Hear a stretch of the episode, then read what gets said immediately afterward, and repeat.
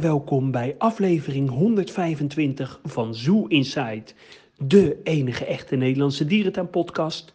Mijn naam is Adriaan en speciaal voor onze 125ste aflevering gaan we op bezoek bij Martin van Wees. Martin van Wees is een bekende uit de Nederlandse en internationale dierentuinwereld.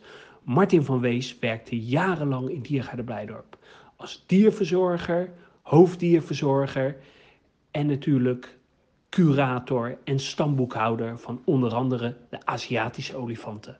Mede door zijn inzet werd het fokprogramma van de Aziatische olifanten een gigantisch succes. Luisteren jullie mee naar ons interview met Martin van Wees. Nou, ik zit hier in het uh, pittoreske Brabant bij echt een uh, icoon uit de dierentuinwereld. Martin van Wees. Ja, hallo. Leuk dat je er bent. Ja, en uh, ja, we kennen Martin van Wees uh, vooral als uh, curator in Diergaarde Blijdorp. Ja, als ik het even uitreken, de, 49 jaar en nog wat maanden. Net geen 50 jaar in ieder geval. En hoe ben je ooit binnengekomen in Diergaarde Blijdorp? Ja, dat is nog een strijd geweest. Want ik, ik ben geboren vlakbij Diergaarde Blijdorp. Hè. En ik heb er op school gezeten. Uh, in de Robert Fruinstraat. En dan ging tussen de middag ging ik altijd naar de dierentuin. Want dat vond ik toen al leuk. En mijn droom was toen om in de dierentuin te, te gaan werken. Nou, mijn ouders zeiden van er valt geen droogbrood te verdienen. Dat moet je niet doen. Je moet een andere richting uit. Maar ik vond het eigenlijk zo leuk dat, dat ik heb drie keer moeten solliciteren voordat ik aangenomen werd. Dus dat heeft wel even wat voeten in de aarde gehad. En binnengekomen als roof, roofdierenverzorger volgens mij? Ja, want uh, toen hadden we uh, Janus van den Berg. Dat was de hoofdoppasser, noemden ze dat toen. En dat was echt uh, booshoog, noemden ze hem ook. Want hij, die ging over alles en iedereen. En die had de roofdieren en nou, bijna de helft van de tuin onder zich. En daar werd ik in eerste instantie naartoe gedaan. En daar heb ik dus, uh, van die man heb ik dus eigenlijk echt alles geleerd wat, wat, je leren kan. Hè? Van, van, pakken van zebra's. En, want hij zei van pak hem. En dan pakt hij je maar, want hij, die zal het wel weten. Ik heb wel eens gehoord dat jij zelfs niet bang was voor een volwassen Bavianenman. En dat je die ook gewoon zo pakte als het nodig was. Nou, je, kijk, je, je, moet in ieder geval niet bang zijn voor, uh, uh, voor dieren. Want als je dat bent, dan... Uh, dat, dat voelen ze, dat weten ze.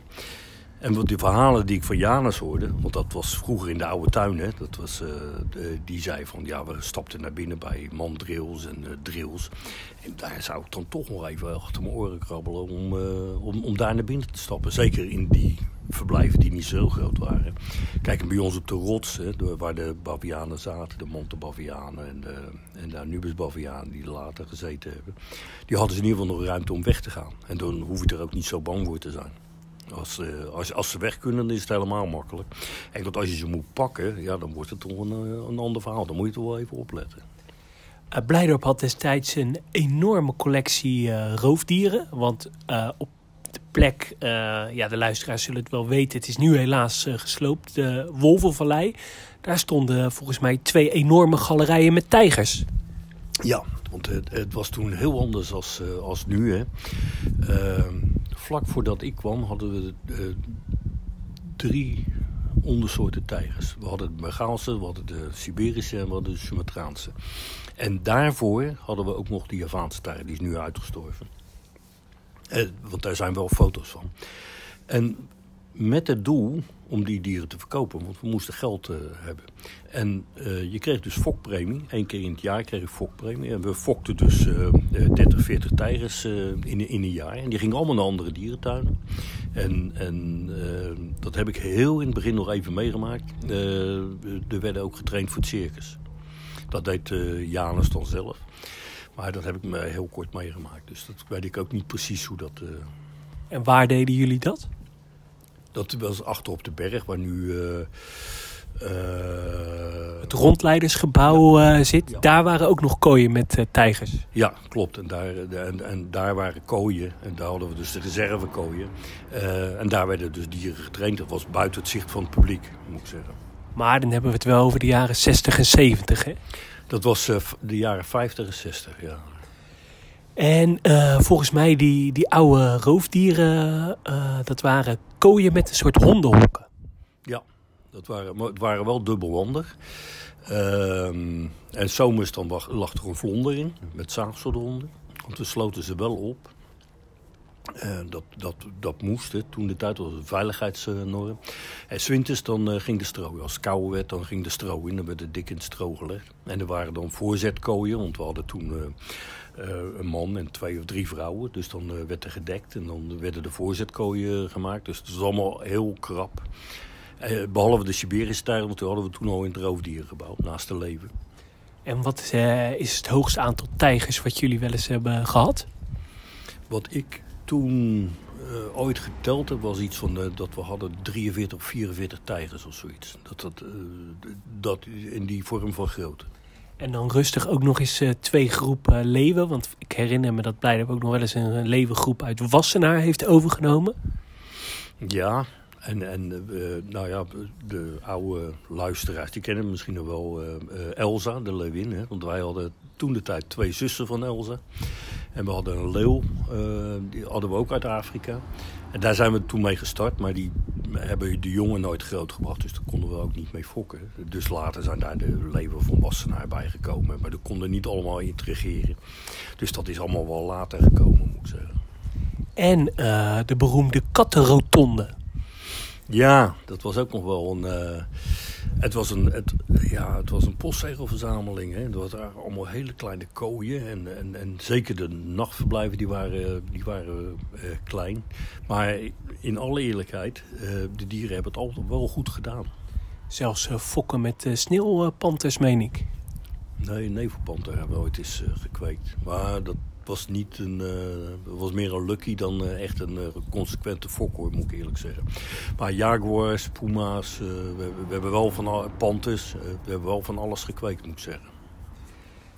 En toen volgens mij van de roofdieren naar het Harry Martinhuis gegaan. Nou, toen.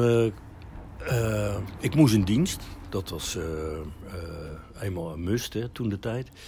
Ehm, en toen, ehm, eh, na mijn diensttijd, en in mijn diensttijd ben, heb ik ook nog wat weekenden gewerkt om eh, wat centjes bij te verdienen. Na mijn diensttijd eh, trokken de apen mij ook wel. Toen heb ik dus gevraagd of ik overplaatsing kon krijgen naar de mensapen. Nou, dat is gebeurd. En eh, de mensapen en het Henry Martenhuis, dat was één, dat was één post. Hè. Dus toen heb ik een jaartje bij de gorilla's en, en, en de orangs gezeten.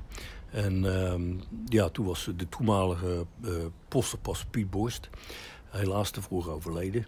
eh, die, die deed het Henry Martinhuis, maar die kon geen goede eh, vervanger vinden voor hem.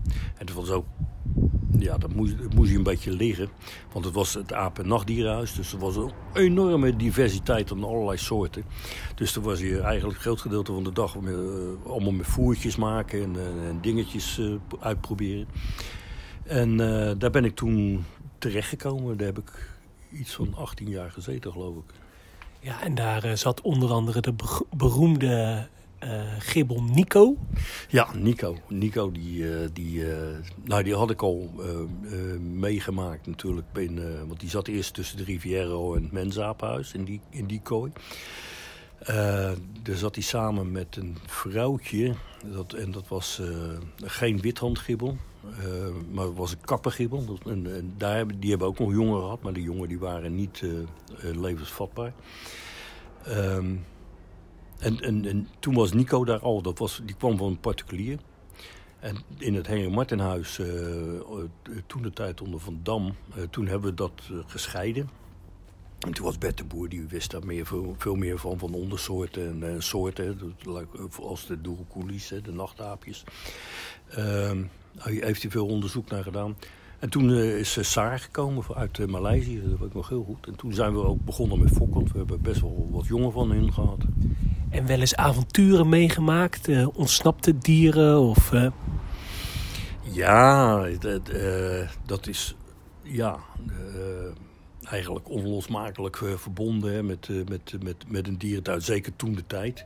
Toen was het dus toch een hele andere tijd. En, en, en wat je, een, een, zeeboer die rondliep, of een wolf die in de rond liep, of een baviaan die in de stad zat, of nou, noem het maar op.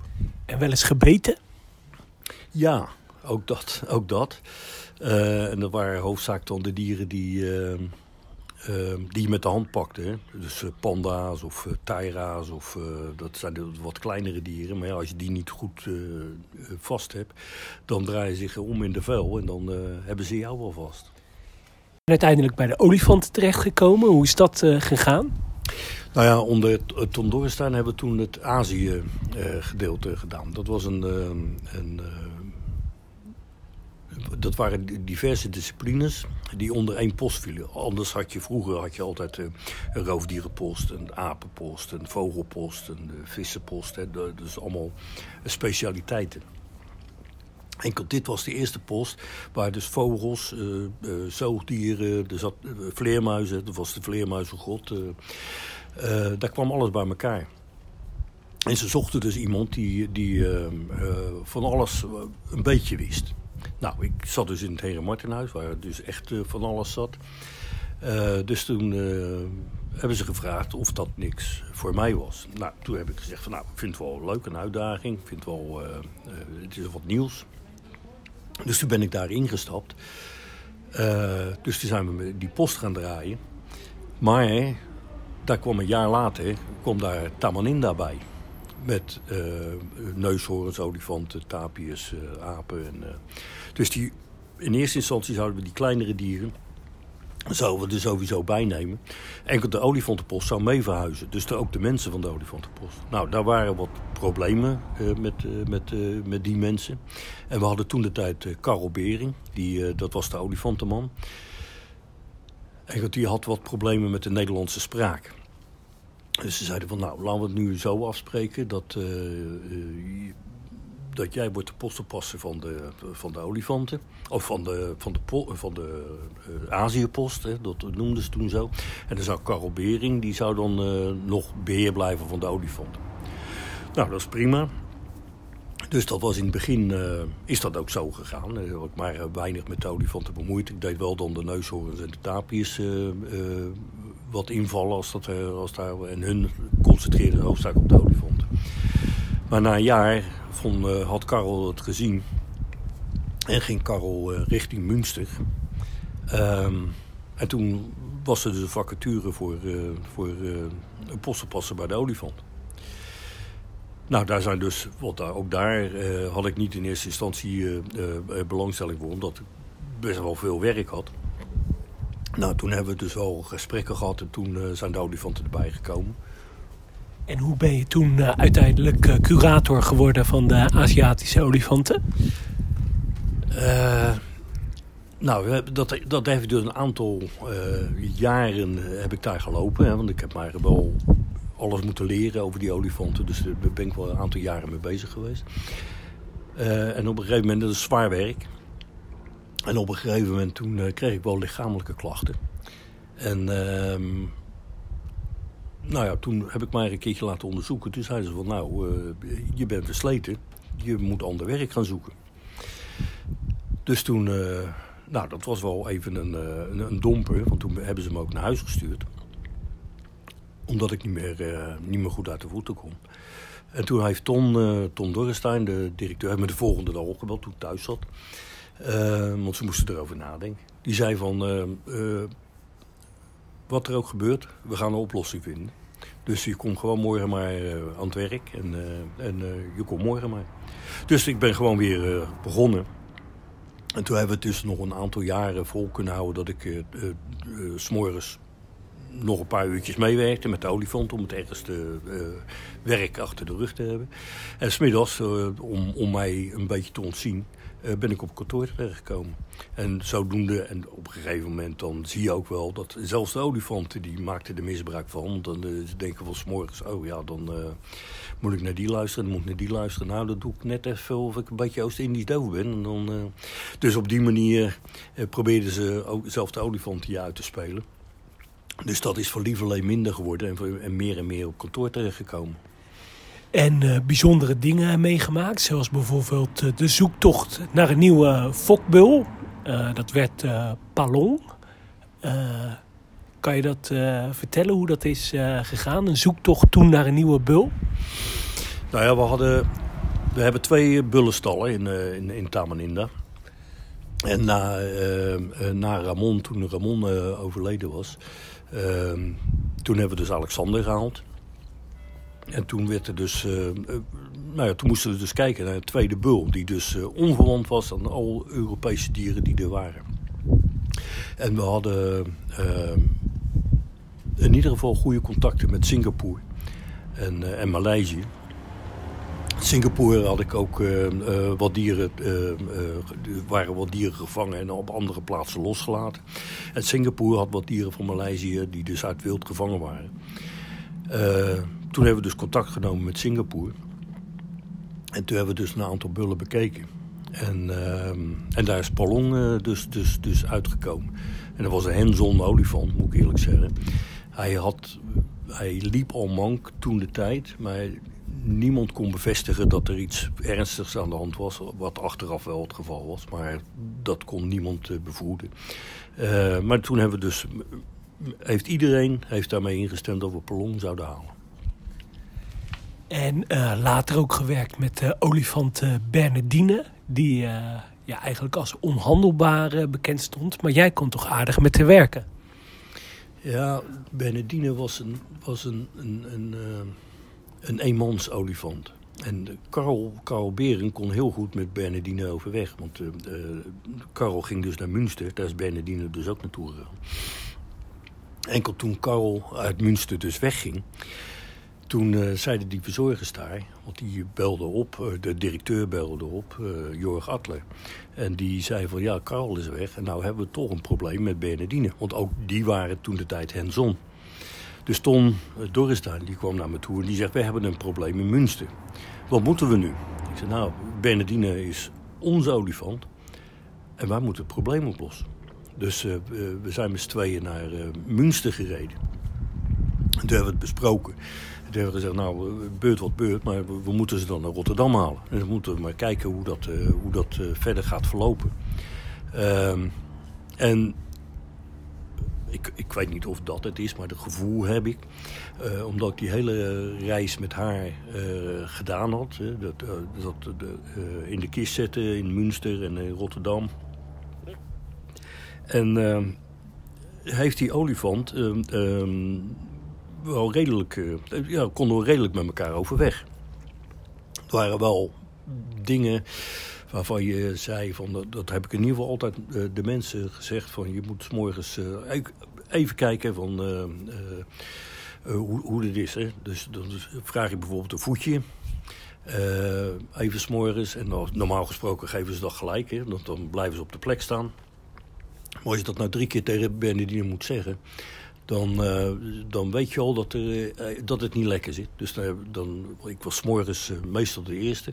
Want dan zette koffie voor iedereen voordat ze kwamen. En dan was ik al even langs geweest. En dan zei ik voor jongens, laat haar maar even, even met rust. morgen kijken we wel weer verder. En dat ging over het algemeen ging het wel goed, moet ik, moet ik dat zeggen. En tot mijn verbazing, want dat, dat heeft me altijd nog wel verbaasd. Want toen zij eerst die jong kreeg, en dat jongen was uh, eigenlijk te klein, dus die kon, niet, uh, die kon niet bij die tepel. En toen stonden ze dus in die stal. En uh, nou ja, we hebben een soort beleid, of we hadden een soort beleid dat we dat niet zouden helpen. Het moest allemaal vanzelf gaan. Maar ja, ik zag wel dat het jong, dat had honger natuurlijk. Dus, en Bernardine die gaf die, die tepel wel, maar hij kon er niet bij. Dus we moesten wat, even wat, wat, wat helpen. En tot mijn verbazing kon je dus uh, gewoon dat jong, we hebben daar wat stro neergelegd. En de, de, we stonden gewoon naast Bernardine met het jong en uh, we konden daar lichten, dat ze in ieder geval bij die tepel konden. We hebben ze melk gegeven zo uh, uit de... En ook mijn directeur, die, die, die, die, die, dan regelmatig, nou regelmatig bijna elke ochtend binnenkwam, die zag ineens, hij zei, wat ben aan doen? Ik zei, ja, we moeten ze even, de eerste dagen even, even helpen. En dat heeft echt uh, fantastisch. Na, na, een week was, kon, ze er wel bij en ging het allemaal heel goed. Helaas hebben ze verloren na een jaar, maar dat was een ander verhaal. En die geboorte was volgens mij een totale verrassing. Hè? Die zagen jullie totaal niet aankomen. Of was veel eerder dan gepland? Dat was een beetje eerder dan gepland. We hebben een aantal keren wel... Uh, ja, dat is tegenwoordig allemaal wel wat beter geworden. Want toen was het nog een beetje in de kinderschoenen. Hè? Want toen moest je bloed afnemen en dan zag je al die waardes. Maar die waardes, die moet je dan een beetje interpreteren. En er zijn wel mensen... Ja, die zijn er nu veel beter in, moet ik eerlijk zeggen. Als je werk als olifantencurator in jouw tijd reisde je denk ik ook nog heel erg veel en bezocht veel andere tuinen? Ja, ik heb, nou ja, mag ik wel zeggen, de rest van de wereld gezien en, en een hele hoop olifanten en een hele hoop olifantenverblijven. Hele goede, ook hele slechte, moet ik ook eerlijk zeggen. Wat is je beste olifantenverblijf wat je kent in Europa? In Europa, nou, ik denk dat dat KBC nou is. Uh, qua, qua grootte, want dat is zo groot. Dat is, uh, daar zie je olifant in, een stipje. En de stal vind ik dan niet zo geweldig, moet ik eerlijk zeggen. Dus daar, dat is nog wel voor verbetering vatbaar. Maar dat is een van de betere verblijven die ik ooit gezien heb. Dat is echt uh, geweldig. En voor klassieke dierentuinen, qua stadsdierentuinen, of, wat vind je dan een aansprekend verblijf? Oh, ja, er zijn wel... Nou, ik vind uh, uh, La Paul vind ik wel goed. Dat is uh, redelijk simpel, maar dat hebben ze goed gedaan. die hebben een hoop ruimte. De stal is heel economisch ingedeeld. Daar kun je, daar kun je met een aantal mensen kun je daar goed uit de voeten. Je kunt de dieren goed zien. De binnenstal is niet voor het publiek toegankelijk. Dus dat maakt het ook alweer... maar zo hebben we het nu ook in Paradijsa gedaan. Uh, als je dat niet toegankelijk maakt, dan kun je het veel simpeler maken. Voor als de bezoekers moeten komen, dan moet je het veel meer, uh, veel meer dingen doen natuurlijk. En het ergste olifantenverblijf? Uh, nou, dat heb ik uh, ooit in Belgrado gezien. Dat vond ik zo, dat vond ik zo verschrikkelijk. Dat was werkelijk, nou, dat, nou, echt verschrikkelijk. En sowieso je favoriete dierentuin die je ooit bezocht hebt? Ehm, een van mijn leukste dierentuinen, dat was de Discovery Island Zoo. En dat is, uh, die, die, is nu weg hoor, moet ik zeggen. Want er is uh, nu, uh, dat was van Disney. En dat was in Florida. En dat was zo'n zo'n leuke dierentuin. Want dan kon je enkel maar komen met een bootje. En dan ging je met zo'n bootje met een zeiltje erop. Het leek wel of je op uh, safari was. En dan, dan stapte je uit dat bootje. Dan kwam je ergens in een of ander hutje. En daar kon je dan koffie drinken. En je ging een eiland in de rond. En er zaten allerlei dieren. Van uh, jaguars en, en roofvogels. En geen olifanten. Geen grote, echt grote dieren. Maar daar zag je ook dus de de kalkoengieren die vlogen daar los. En, uh, want die kwamen daar gewoon voor natuurlijk. Dus dat vond, ja, dat vond ik echt geweldig. En in Europa? Ah, in Europa, ja, uh, lastig. Uh, lastig. Ik vind in Nederland, vind ik, ik, vind ik Arnhem, Burgersoe, vind ik geweldig. Dat vind ik echt een uitdaging, hoe, hoe ze daarmee doen. Dat is, die eco-displays vind ik echt heel knap. Ja, en, en, en qua soorten. Uh, als als, want ik ben wel een beetje een, een soortenfreak. Als ik dan naar de dierentuinen van Berlijn kijk, die, uh, die hebben natuurlijk uh, nu al wat minder. Maar toen de tijd hadden ze natuurlijk een geweldige verzameling. je bent destijds ook in, in Ringling geweest, in Florida, in Amerika, waar het beroemde olifanten Fox station zat. Ja, ja in, in Pole City. Want daar wilde ik ook wel kijken. Dat, dat station, dat was nog een hele opgave om daar te komen. Want je moest... eh, Zelfs voor de coördinator van het fokprogramma? ja, je, mocht, eh, je moest van tevoren moest je aanmelden. Eh, je moest ondertekenen dat je... Je mocht geen foto's maken. Je moest van alles ondertekenen. En je werd aan de buitenkant moest je op een bel drukken. Dan kwamen ze je ophalen. Eh, en je mocht verder absoluut niets publiceren buiten hun, eh, buiten hun om. Ik heb wel wat fotootjes gemaakt en ik, ik, ik, snap ook wel waarom ze dat eh, gedaan hebben. Want ze hadden dus vier bullen. op alle uithoeken hadden ze dus de, de, de fokbullen staan. Maar ja, de kalveren die werden vanaf gehaald en die werden getraind om naar het circus mee te gaan. En dat wil je, nou, dat wil je niet natuurlijk. Hoe, eh, hoe kijk jij terug op je tijd als eh, coördinator van het fokprogramma van de Aziatische olifanten? Volgens mij heb je het een behoorlijke eh, professionaliseringsslag aangebracht. Nou, ik, ik, ik, in, in, het was ergens in 1989 of 1990, dacht ik. Toen hadden we een, een congres in uh, EASA-congres in uh, Douai, de La Fontaine in, uh, in, Frankrijk. En toen reed ik met uh, Tom Dorenstein en ik was coördinator van de boomkangoeroes. En we zaten te praten en toen uh, zei ik tegen Tom, ik zeg, we moeten als, als tuin best wel een, een, een grotere soort nemen. Een soort die aanspreekt. En hij ja, wat denk je dan? Ik zeg, nou, een olifant. Hij zegt, nou, daar zit ik nou ook aan te denken. Hij zegt, dat gaan we doen. Dus in Douai de La Fontaine heeft hij dus heeft hij Rotterdam uh, aangemeld als Aziatische olifantencoördinator. en dat zou Ton dus doen. Nou, toen de tijd hadden we Kuno Blijnberg, dat was de curator toen de tijd. En die zei van, nou, moet je goed luisteren. Ton, ik vind je aardige directeur, maar van olifanten heb je geen verstand. Dus dat doe ik dan wel. Dus zodoende is Kuno Blijnberg eigenlijk de eerste coördinator geworden van, van dat. En die heeft Rob Belteman, dat was, nou ja, die jongen die weet alles van computers en stamboeken. En, dus die heeft Rob Belteman erbij betrokken.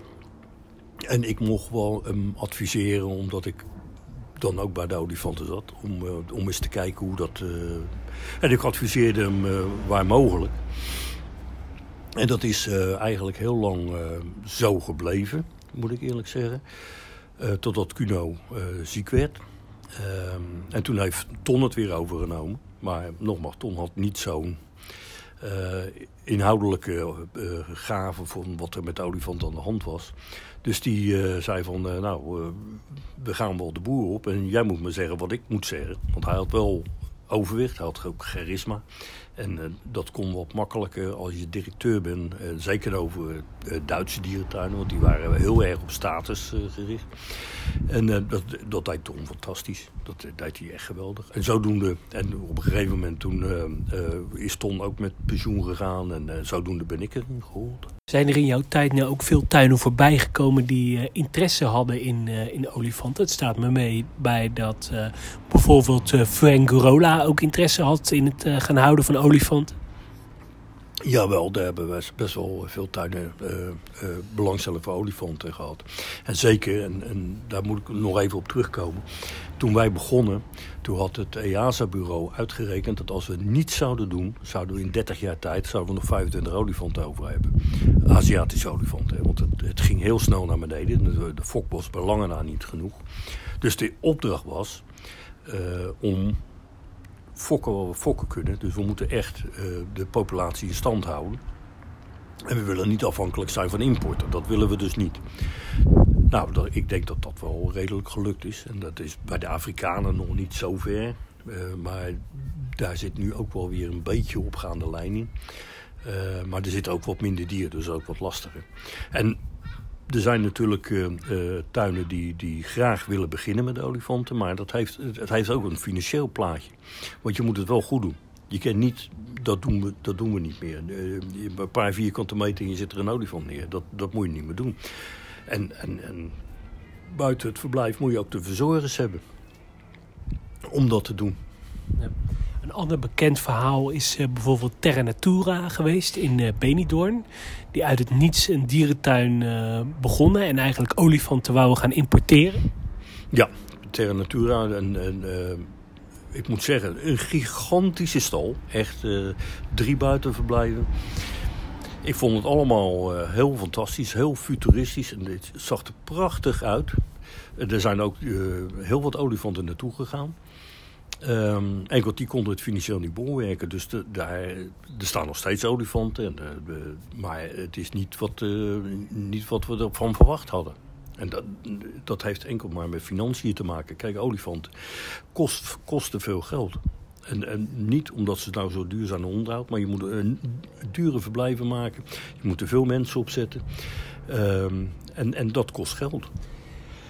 Um, ook bijvoorbeeld een uh, Marcel Boekhoorn die opeens uh, olifanten koopt of wil uh, importeren. Hoe ga je daar als curator destijds mee om?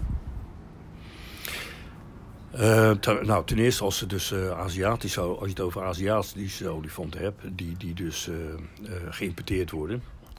daar is in mijn tijd, heeft Praag dat gedaan, maar die, die, die hebben die dieren gehaald vanuit India. Uh, maar hebben van tevoren hebben ze dat allemaal aangegeven. Ze hebben dat aangevraagd. Er zijn er afspraken over gemaakt. Uh, en dat hebben ze dan ook. Dat is dan ook gebeurd. Maar tegenwoordig hoeven we dus geen olifanten meer te importeren. Want we hebben, we hebben genoeg olifanten om, om iedereen te voorzien. Enkel je moet wel zorgen dat, je, dat de, de, de bestanden op peil blijven. Dus uh, van import is helemaal geen uh, sprake meer? Als de bestanden. Kijk, je, hebt, je hebt het gezien in Amerika. Hè, dus de, de, daar zijn de stamboeken bij lange na uh, niet zo toereikend als bij ons. Uh, die hebben, een aantal jaren geleden hebben ze nog een hele import gehad van Afrikaanse olifanten. Omdat ze in de loop der jaren uh, zijn er meer uh, olifanten verloren gegaan dan geboren. En dan krijg je dus enorme kritieken, en terecht, uh, dat ze zeggen van ja, dan importeer je weer olifanten. En, dan gaan, uh, en over 10 of 20 jaar moet je weer olifanten importeren. Dus je moet je eigen broek ophouden. Nou, we hebben dus gezegd van ja, dat, dat, dat kent dus niet. Dus we moeten in ieder geval zorgen dat ons bestand op peil blijft. En de grote droom is om olifanten terug te sturen. Want daar ben je nog steeds actief uh, mee bezig. Hè? Want nou, inmiddels, je bent met pensioen gegaan in Blijdorp en toen gaan werken in Paradijsa. Ja, nou ja, ik, uh, uh, ik moest. Ik, in in, in uh, al hun wijsheid hebben ze dus een achttal jaren geleden gezegd van mensen die boven de 60 zijn, die moeten eruit. Er was een bezuinigingsronde. daar, daar, waaronder ik ook viel. ze hadden enkel één ding vergeten, want ik deed ook nog de olifanten. En daar hadden ze dus niet direct een vervanger voor. Dus dat heb ik nog wat aantal dagen in de week ben ik dat blijven doen. En uh, de, de, de, de grote droom is dus uh, om, om, om dieren terug te brengen en om, om te zorgen dat die cirkel een beetje rond is. Want in de, in de vrije natuur, uh, dat is wat iets anders dan met de Afrikaanse olifanten. De Aziatische, Aziatische olifanten, de mannen althans, de bullen, die hebben over het algemeen tanden. Ik zeg niet allemaal, maar die hebben het over het algemeen tanden. En die worden dus als eerste gestroopt. En uh, met de contacten die we hebben, want uh, we, we, zijn er al veel langer mee bezig, we zijn er al tien jaar mee bezig. Er was professor Dr. Sukumar, dat was een Indiaanse wetenschapper, en die zei van er, er zijn gebieden waar dus één bul op 60, 70 koeien staan. Nou, dat betekent dus dat je genetisch een soort flessenhals krijgt. Dus die willen heel graag bullen hebben. Enkel je moet zorgen dat dat op een goede manier uh, gebeurt. En dat is, een, dat is het lastige verhaal. En nu ben ik dus in de Paradijsa terechtgekomen. En ik ben in Paradijsa terechtgekomen eigenlijk vanwege het herpesverhaal. Ik, uh, ze hadden een, een olifantenverblijf gemaakt. Nou, dat was dus daar staan nu nog olifanten in, maar dat was dus absoluut te klein. En toen zeiden ze, nou, willen we een groep olifanten hebben om te kweken. Je zegt, nou ja, uh, sorry, maar uh, dit is te klein. Je kan geen olifant krijgen, van ons niet.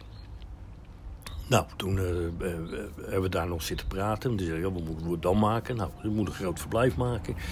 veel stallen, dus dat je, dat je daarmee uit de voeten kan.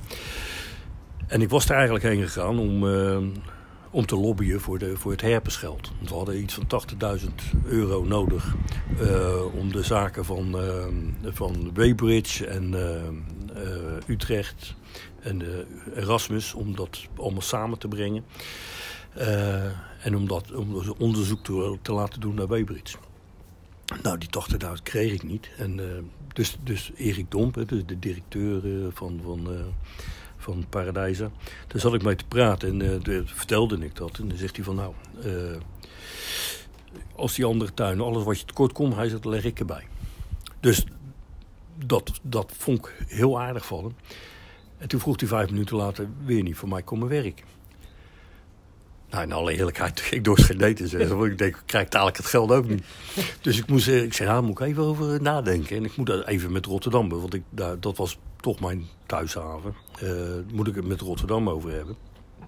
Dus ik heb met uh, Mark Dame, die, die was inmiddels daar directeur, had ik het met Mark Dame over gehad. En die zegt van nou, je werkt nog maar twee of drie dagen. Je mag die andere dagen in Paradijsa werken, dat, dat is je vrij. Dus zodoende ben ik in Paradijsa terechtgekomen. En nu reis je heen en weer? Ja, ik, uh, ik ben twee dagen in de week ben ik in de weer met Paradijsa. Uh, dat wordt wel wat minder hoor, moet ik ook eerlijk zeggen. En een hoofdzaak is het nu met uh, computerwerk natuurlijk, mails en... Uh, en nu, met een mooi woord, is het collectiemanager. Ah, heel mooi. zijn er in de loop van de tijd, toen je nog in Blijder werkte, ook wel eens ook nog andere tuinen voorbij gekomen waar je wel eens zou willen gaan werken? Heel vroeg, maar dat was, nou, dat was heel lang geleden. Uh, toen heb ik wel eens uh, gesolliciteerd. Uh, goh, hoe heet die tuin? Ik heb ooit in twee tuinen gesolliciteerd. En dat was eentje in uh, Saudi-Arabië. Want het leek mij wel een uitdaging. Um, en een tuintje in, in Limburg. Hoe heet het nou? Kaya, uh, Zwartberg. Nee, nee, nee, nee. Um, er bestaat nog. De, uh, het is Nederlandse, de, de, Nederlandse dieren. Uh, Mondoverde? Nee, nee, dat bestond toen nog niet. Kom ik dadelijk nog wel op. Maar ja, goed. Dat is... Arsen? Of niet? Nee, nee het, lag, het lag bij Arsen. Nee, nee, bij uh, Limburg.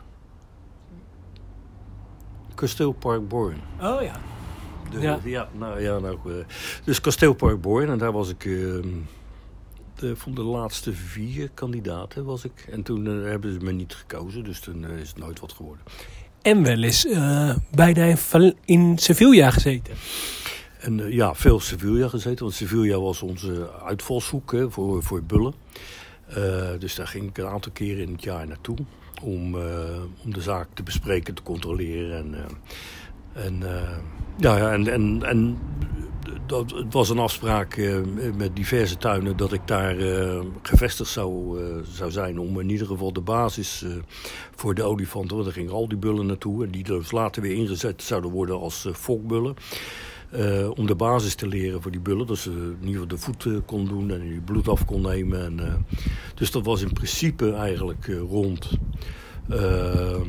tot mijn oude directeur zei dat hij met pensioen ging en dat hij het niet over zijn pensioen heen kon tillen. Dus, uh. Maar je had wel je huis verkocht? Ja, ik had wel, uh, ja, dat was wel, dat was wel. Privé was het een beetje een, uh, ja, een dompertje, moet ik wel zeggen. Dus vandaar dat ik nu in, in Brabant terechtgekomen ben. Oké, okay, heel erg bedankt voor je tijd. Nee, graag gedaan. Het was hartstikke leuk.